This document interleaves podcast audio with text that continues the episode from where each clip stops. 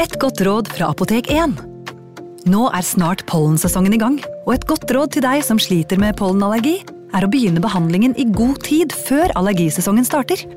Da får du nemlig enda bedre effekt av legemidlene, og så blir ikke våren din helt ødelagt.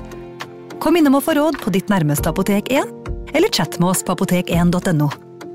Apotek 1 vår kunnskap, din trygghet.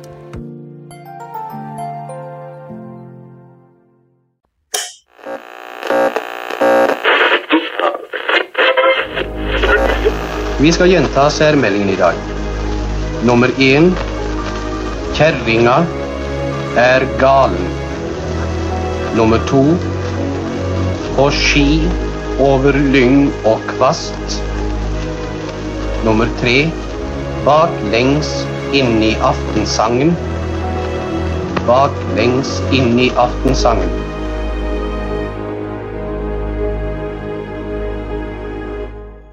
Vi er tilbake igjen i Oslo eh, mandag 4. desember 1944. Det er en eh, innspurt, skal vi si, de likvidasjonene nå, det siste halvåret før freden, eh, eh, Eirik. Og vi skal til en kar som vi tror heter Reidar Sverre Emil Voigt. Vi er Ja. usikre på uttaler Ja, men det er trolig et uh, etternavn med, eller, som stammer fra Tyskland. Så eh, det skrives da med V, men vi tror kanskje at det er en uh, uttales med F. som Så- Vogt. Som Vogt, ja. Voigt. 45 år gammel. Yep. Han eh, hadde en eh, jeg på å si, ublid skjebne som delte bosted eh, sammen med en eh, veldig ettersøkt og upopulær type i motstandsmiljøet. Men Ja. Han var ikke helt uskyldsren selv heller. Nei. Eh, altså, i løpet av høsten 1944 så bestemmer Milorg seg for at de skal likvidere en provokatør og angiver som heter Finn Knutinge Kaas. Han var en beryktet eh, Ja. angiver. Ja, absolutt. Og han eh, var veldig aktiv i- i Oslo-området, og vurdert som en, eh, en, eh, en betydelig trussel da, eh, mot eh, ja, all motstandsvirksomhet og alle motstandsgrupper eh, på hele Østlandet. Han, eh, han jobbet jo da for, eh, for Gestapo, og Reidar Sverre Emil Voigt, da, han bor i en leilighet i en bygård på Frogner Oslo. En eh, den gang ny, flott seksetasjes funkisblokk i Vestheimgata 6, eh, bygget eh, like før, uh, før krigen. Uh, ja, lokalkjente. Dette er jo en gate som går mellom Frognerveien og Balders gate, like bak uh, det som da var en nyåpnet Gimli kino.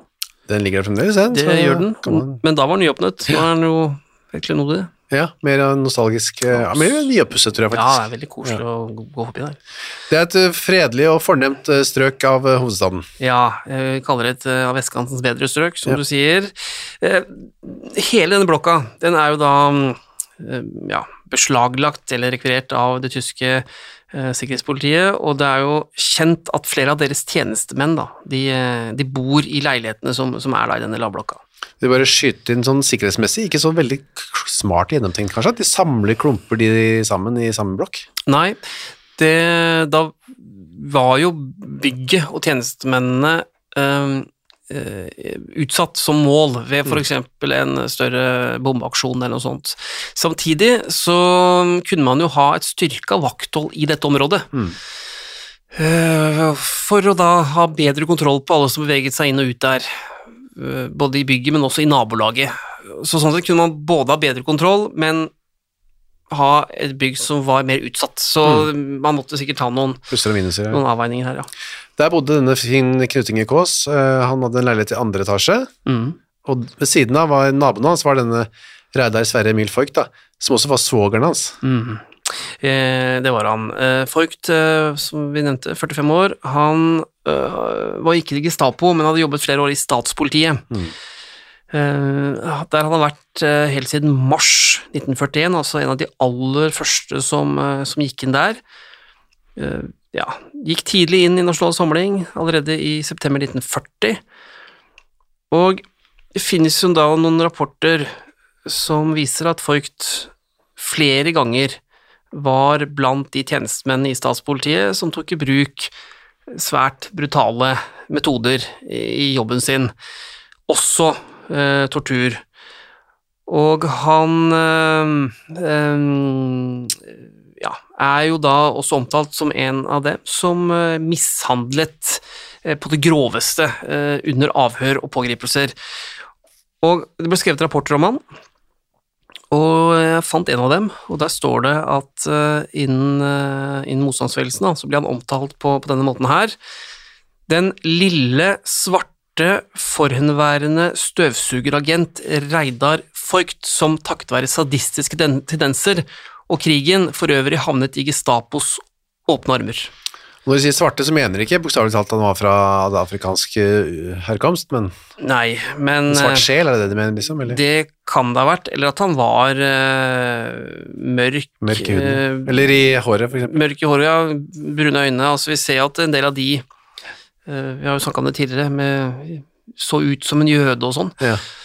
Så det kan bare ha vært at man her det, det, altså, det, det var det språket man, man brukte, rett og slett, for å, for å beskrive noen. Han øh, jobbet, øh, som du sa, i statspolitiet, men også da sammen med tysk politi. Også var han på utlån, til og med, ja. til sikkerhetspolitiet. Ja, og det er det som øh, knytter han da til Gestapo, ved ja. at han og det, og det, var vanlig i statspolitiet, at enkelte tjenestemann som på et eller annet vis hadde utmerket seg som flinke, dyktige, kunne tysk Man stolte litt, litt ekstra på, da.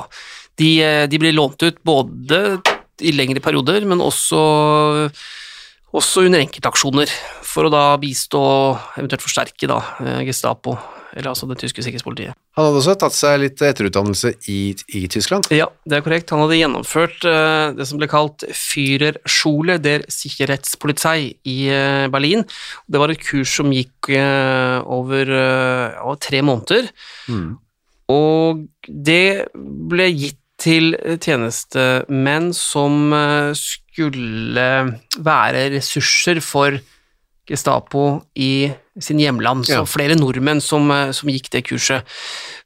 Litt tilbake til denne leiligheten i Vestheimgata. Altså, det kan være at han fikk lov til å bo der fordi han av og til var utlånt i tjeneste for det tyske sikkerhetspolitiet. Mm. Så det er det som kan ha koblet han og, og, og gitt han muligheten til å bo i denne denne leiligheten. Så det er jo en grei opplysning også å, å ta med seg.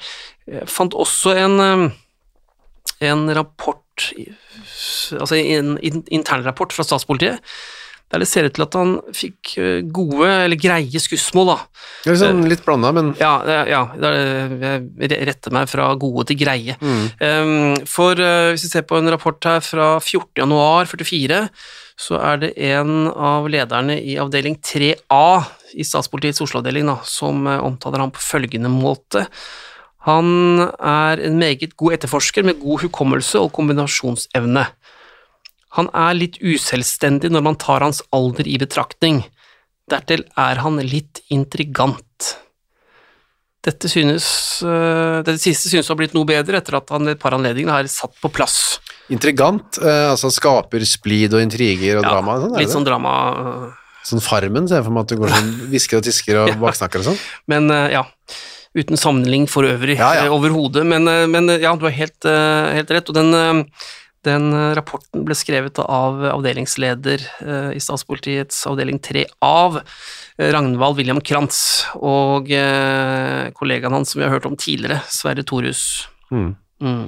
Han hadde Eh, kone og to barn, men man vet ikke helt om de bodde i denne samme leiligheten? Nei, og det ser ja, det, I rapportet så er det iallfall ikke noe som tyder på at de var der denne dagen. Det får vi nesten være glad for, alle sammen. Det mm, kan vi, for det er ikke sikkert de hadde overlevd det. Nei. Men hadde mm, giftet seg i desember 1923 med Ågot, het hun. Mm. Sustad før hun ble gift. Og så fikk de to barn sammen, Kari og eh, Sverre. Og eh, jeg ser jo da eh, ut fra boken her, de kalte dem rottejegere, at Voigt, eller familien, da, er oppført med en adresse på Frogner. De bodde da i en leilighet i Oleviks gate. Det litt spesielt med leiligheten er at den før krigen hadde tilhørt jøder. Ja. Så dette er jo jøder som som da på det tidspunktet kan ha blitt arrestert og sendt til Auschwitz, og da var de trolig døde. Og for mange av dem. Han Det hadde vært, du ble jo nevnt så vidt uh, i denne rapporten, forhenværende støvsugerselger, men det var han òg. Det er riktig, han, eh, han jobbet med å selge symaskiner og støvsugere for eh, selskapet Electrolux. Eh, Ja. Og det, det, var, det var jobben hans før angrepet på Norge i april 1940. Så gikk han da, da gikk han inn eh, i Oslo-politiet Ja, det skjer jo eh, ja, rett etterpå. ja, knapt ja, litt over en uke etterpå. 20. april 1940 så står han registrert som reservekonstabel i Oslo-politiet. Ja.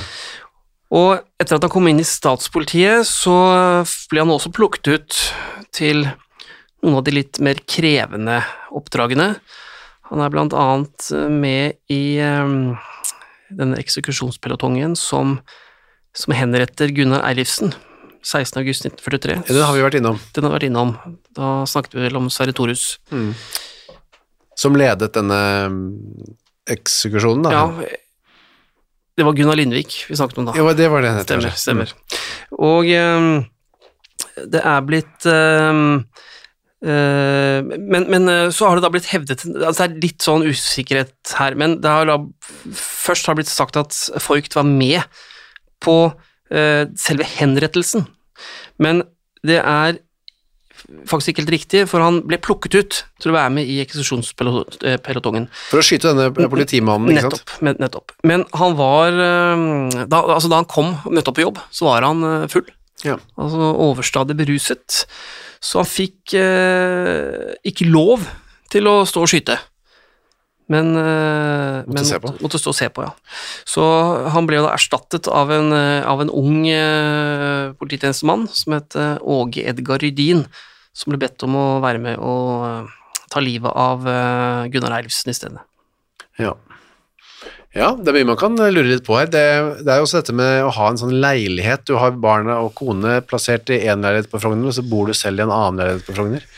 Men alkoholen og man liksom, Det er lett å tenke seg at det var litt sånn Det er, litt, der. det er litt av noen liv disse menneskene levde da. Det er eh, når du leser disse rapportene og ser og, og tenker tilbake, så mm, ja Kanskje greit at ting er som det er nå. Eh, At det ikke er så mange som har det sånn, ja. Ja. Eh, det vet jeg jo ikke, men jeg håper jo ikke det, da. Nei. Um, ok, så det man har bestemt seg for nå, er at uh, både Finn Knutinge Ross, kanskje spesielt han, men også Reidar Sverre Emil Voigt, skal likvideres. Ja. Og nå, uh, nå, vi har jo vært innom veldig mange mm, likvidasjoner som skjer ganske sånn diskré og i skjul, i et portrom tidlig om morgenen, eller uh, om ikke, ikke skjul, så i hvert fall ganske stille og rolig, da, men nå slår man som skikkelig på stortromma. Ja, for denne likvidasjonsjobben her eh, utmerker seg som, som spesielt dristig. Og det som skjer da, er at eh, denne eh, likvidasjonsgruppen, eller likvidasjonslaget, de bryter seg inn i en leilighet i bygården på den andre siden, andre siden av veien, altså Gabels gate 48. Og den ligger da rett overfor denne Vestheimgata nummer eh, Seks. ja, som vi snakket om. Og det er ulempen der at i den leiligheten, med utsikt til eh, leiligheten hvor Kåss og mm, Voigt eh, bodde, ulempen der er jo at det er bofolk der. Det er helt riktig. Og de er jo ikke med på dette her, så når man trenger seg inn der, så um, så uh, blir jo de uh, beboerne som allerede er her, de blir jo da kneblet, altså bundet. Dette er bare vanlig en norsk Ja. familie som bor der. Dette er en vanlig norsk familie. De blir bundet fast i sengene sine og får beskjed om at dette kommer til å gå helt fint, men dere holder kjeft Mm. og ligger i ro. Og likvidasjonslaget øh, består jo da av to øh, Gamle kjenninger. øh, nettopp. Andreas Aubert og Henrik Henriksen. Og så er det også med en som heter Birger Bråten Rasmussen. Og her er jo da hele poenget å bruke denne leiligheten til, øh, som de nå har kommet seg inn i, som eh, utgangspunkt for å skyte Kås og folk gjennom vinduene når de ser dem. Ut av vinduet, gjennom over gata og gjennom det andre vinduet. Ja, enten når de da viser seg vinduet, eller når de da går ut av bygården bygården på vei til jobben. Og for å greie det, så har de med seg et eh, eh, Det står et britisk maskingevær som da blir satt opp på en kjøkkenbenk i leiligheten. Et, ordentlig ikke et sånn håndholdt lite Nei, dette må være kraftige saker. Jeg høres jo vi, vi får jo kanskje Altså, for å treffe på Da, da snakker vi om en, en del meters avstand, så er det jo grunn til å anta at man trengte et form for stativ. Uh, men men um, det skal jo fraktes inn og ut og eh, litt å bære på, så eh, Men det spiller ikke veldig stor rolle. Det var et skytevåpen. Ja da, det skal jo fraktes inn, så det har sikkert ganske høy puls på de som skulle Det, ja, og det er ikke bare å det er ikke bare brette sammen og ta på innerlomma. Nei. Men de får satt opp og gjort seg klare, så er det bare å stå der og vente, da, for nå er det morgen, og så lys, det blir jo sakte lyst, og så er det bare å vente på at de skal vise seg. Ja, det, dette skjer da på Denne inntrengningen i leiligheten skjer da sannsynligvis på natten. Og så står det i rapporten at når klokken blir 08.55, så kommer da Voigt til syne i vinduet ved at han drar fra blendingsgardinene. Og um, da blir det umiddelbart skutt fra vinduet på denne, altså fra den leiligheten da, på andre siden av gaten, i Gabels gate 48. Og uh, det blir avfyrt mellom 17 og 20 skudd, og som det står i rapporten, folk dør umiddelbart.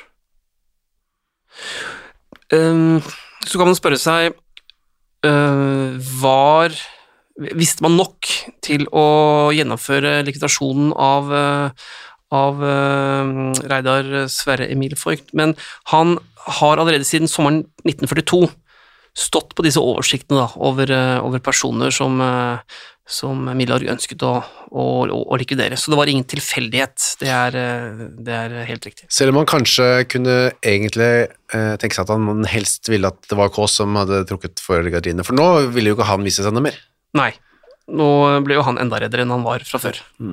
Så det ble, da ble det fukt isteden. Da ble det fukt isteden. Ja, men han eh, blir da fraktet til eh, Rettsmedisinsk institutt, og han eh, viser at han eh, har vært på vei til jobb da, ikke så, ikke så overraskende riktignok, da, men Eh, Det er riktig. Han skulle eh, på arbeid, hadde på seg vinterfrakk, bukse, jakke, skjorte, slips, vest og hatt. Og i lommene så lå det sigarettpapir, en tobakkspung, fyrstikker, trikkekort, og også noen, eh, noen småpenger. Og det står også bemerket da, i eh, rapporten fra rettsmedisinerne at idet Voigt blir lagt på obduksjonsbordet, så er kroppen hans fortsatt eh, varm. ja. Det var veldig, gikk fort dette her. Det gikk fort. Han var 171 cm høy og veide 59,8 kilo. Så han var, en, som de skrev i rapporten, han var en ganske liten type. Ja, det var han. Og så ble det bemerket at det var et kraftig skytevåpen. Det støtter jo opp under eh, opplysning om at det må- ha vært et eh, maskingevær eh, på stativ. Um, For uh, det står at, bemerket spesielt, at de indre og ytre skadene var omfattende, og ammunisjonen hadde hatt en slags sprengvirkning da de traff uh, kroppen til eh, Voigt, og han ble truffet av skudd både i ryggen og i, eh, i brystet. Ja, trukket fra gardiner, blitt skutt, snudd seg og blitt skutt mer. Nettopp. Ja, og så var jo, da var jo han død, men det som var en sånn, eh, jeg vet ikke om det er utilsiktet, men i hvert fall en litt sånn uheldig konsekvens her, er jo eieren av de som, eh, den leiligheten hvor de skjøt ble skutt fra. Mm, han eh, eh, fra denne Gabels gate 48, da, eh, de som, eh, i hvert fall eieren eh, i den leiligheten, han blir arrestert umiddelbart. Han het Per Anker Nilsen, 26 år, og han blir utsatt for ganske eh, rå mishandling og ja, så grov, grov tortur under de avhørene.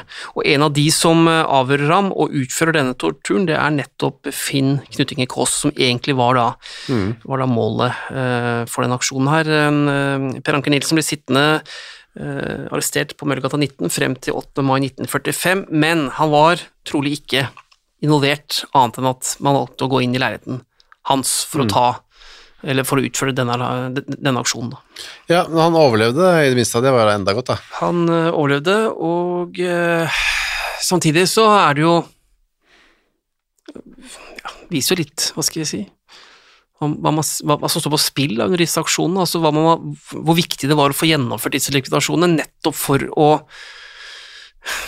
i kampen for Norges frihet, men uh, her var det da en, en, uskyldig som ble arrestert i flere måneder og ble utsatt for tortur fordi man fikk gjennomført denne registrasjonen. Mm. Ja, han måtte betale Måtte betale ja, regningen, rett og slett. Så var det da begravelse, og nå var det Vi har vært innom med to begravelser tidligere nå, men, eh, hvor det har vært litt stille rundt det, men nå var det på stortromma igjen. Ja, nå er vi jo eh, Ja, vi kom til 8. desember, da. Veldig kjapt etterpå. Eh, ja, eh, det er en fredag. Klokken kvart over ti på formiddagen.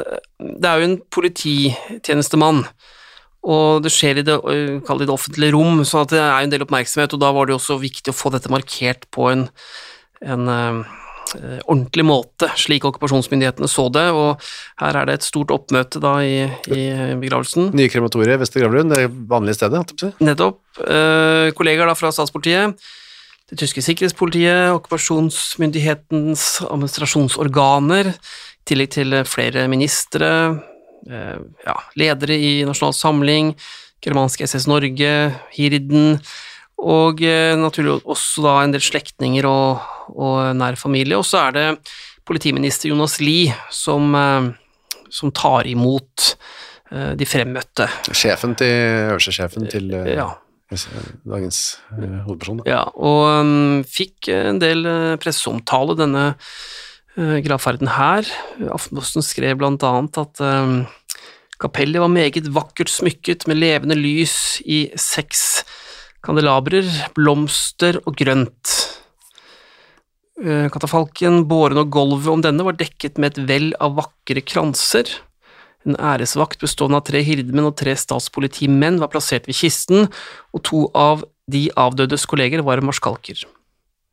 Utenfor krematoriet sto der også to statspolitibetjenter som æresvakt. Ja, så er det jo strykekvartetter og eh, Alltid freidig når det går. Ja. Men så er det en uh, fyr som vi trodde, iallfall jeg trodde var bannlyst fra framtidige NS- eller uh, tyskvennlige ja. begravelser. Jeg husker jo biskop Lars Andreas Frøyland, som fikk masse bråk etter det han sa i, eh, i gravferden til eh, statspolitifullmektig Sverre Thorhus noen uker tidligere, mm. 10. Eh, november, vi husker jo det i en tidligere episode, ja. men han fikk lov til å, å, å, å lede denne bisettelsen, og startet med, eller ja, han innledet da med, de, med, med ordene om at atter er vi samlet om en politimanns båre. Politifullmektig Reinar Vogt var tro mot sine idealer og tro mot sin plikt. Han ble revet bort midt i sin beste alder, da han menneskelig sett skulle ha mange gode arbeidsår igjen. Hans kjære sitter nå tilbake i dyp sorg, full, fylt av savnet av en trofast ektefelle, en god far og forsørger. Eh, interessant å se at i den eh, talen, eller prekenen til Frøland, så, så påpeker han her at Voigt må ha visst at han var som tjenestemann i statspolitiet i en særlig utsatt stilling. Og igjen så peker han jo på at, på sitt vis, da, at polititjenestemenn i nazistenes tjeneste eh, nå i større grad må betale regningen for det de har vært med på. Mm. Og det la jeg merke til når jeg leste referatene her, at det, det kom på trykk. Ja, det eh, også. Gjennom sensurene. ja. Ja, han øh, skulle tro han fikk en ordentlig oppstrammer av Jonas Lie forrige gang, men det han totalt liksom blottet for um, litt sånn underliggende ja. budskap, så er det ikke noe Kan tolkes på litt forskjellige måter, ja. men, men det, det, ble sagt, og litt spesielt da at det skjer etter alt det bråket som ble sist han da ledet en, en slik uh, gravferd. Må også nevne at det kommer et minneord om uh, om Voigt i, eh, i avisen Hirdmannen. Ja. Eh, der er det jo eh, noen kamerater som står står bak det, og i det minneordet så legges det mye vekt på at denne, altså, hans død ikke måtte være forgjeves. Våre falne på ute- og heimefronten øker stadig, våre forpliktelser til aldri å gi opp. Deres offer skal ikke være forgjeves. Vår kamp for orden, rettferd og fred skal ikke strande på morderes og terroristers hat. Vårt liv skal fanatisk være viet kampen for det bedre, det lykkeligere samfunn. Reidar Voigt opplevde ikke seierens dag, men sammen med de falne kampfeller som stupte før ham, vil han marsjere med oss på den dag, signet være hans eh, minne. Og mm, blir mange av disse sita eller eh, Minneordene. minneordene og det vi siterer derfra, blir jo mye av det samme, men det er interessant å lese hva man ønsket å uttrykke, Mm. selv noen få måneder før det hele er over. Og hvor, eh, ja, for, for mange, da, hvor intens denne, denne ideologien må ha stått, da, selv når de står i, i, i, eh, i begravelsen til en, eh, en venn og kollega som da har blitt likvidert, så, så omtaler man, man de som utførte dette her som, som mordere og terrorister, og at eh, ja, den, eh, dette dødsfallet, eller, det som har skjedd, da er, er en pris man må betale i kampen for noe bedre. Så interessant å lese i dag selv, så mange år etterpå. Vet du, Eirik, eh, hvordan det gikk med han de prøvde å ta, da? Finn Knutinge Kaas? Ja, han øh, forsøkte motstandsbevegelsen å likvidere flere ganger, men greide det ikke. Han, øh, han overlevde krigen. Eh, etter frigjøringen, altså 8. mai 1945, så greide han å gjemme seg blant andre, eh, eller, eller blant ordinære tyske, mm, tyske soldater, eh, var vel på Haslemoen. Men etter hvert da så ble han, eh, ble han arrestert, men, men valgte å samarbeide med norske myndigheter. Blant annet så pekte han ut en del av de han hadde jobbet sammen med da, i, i Gestapo. Og anga hvem han hadde vært angiver for. Helt korrekt. Ja. Det, ja, det er faktisk akkurat det han gjorde. Mm. Og øh, først fikk han en ganske streng dom under ansiktsoppgjøret. Han, øh, han ble dømt til døden, og Høyesterett de øh, holdt fast ved Den ble anka, da, men Høyesterett, sto fast ved den dommen i 1947. Men fordi han hadde vært så samarbeidsvillig med å da peke ut sine tidligere venner i Gestapo, så ble dette, denne dødsstraffen omgjort til livsvarig fengsel. Så sitter han lenge inne, men i november 1957 så blir han, eh, han løslatt. Som en av de siste som eh, ble løslatt eh, av de som ikke ble dømt til døden da, under, under landssviksoppgjøret. Og eh, da ble han umiddelbart utvist til, til eh, Tyskland, fordi han hadde tatt tysk han, hadde- altså han hadde fått tysk statsborgerskap oh, ja. under krigen. Ok, ok. Og så, eh, så ble han altså da utvist, eh, utvist eh, til eller Vest-Tyskland, da. Og der så bosetter han seg ja, i Bremen, altså et godt stykke nord i landet, og slår seg opp som forretningsmann. Ja. Så skaffer han seg familie og får barn og, og, og lever faktisk helt til eh, 2007. Å ja. Så han er egentlig akkurat død, føles det som nå. Ja, han ja, ble nesten 90 år. 16 år ja. siden. Ha, så han levde sitt liv eh, fullt ut, da. Ja, og eh, ja, det er gjort en del eh, interessant rundt ham, eh, flere journalister som har jobba med saker og sånn, men det kan vi jo eh, kanskje snakke om en annen gang. Han tenkte kanskje på om hvordan det hadde gått hvis han var den som sto opp først og trakk, for, eh, fra gardinene den morgenen. Ja, der var det bare tilfeldigheter som eh, gjorde at han, eh, han overlevde, og, eh, og ikke hans eh, svoger. Takk for denne historien og denne uken, Eirik Vea. Selv takk.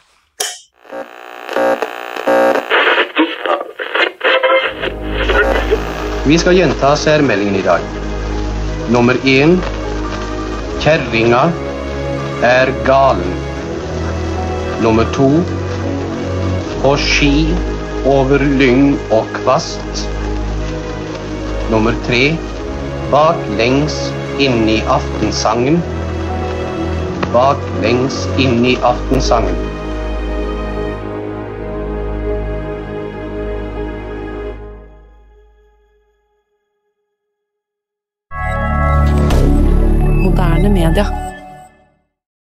Har du et enkeltpersonforetak eller en liten bedrift? Da er du sikkert lei av å høre meg snakke om hvor enkelt det er med kvitteringer og bilag i fiken, så vi eh, gir oss her, vi.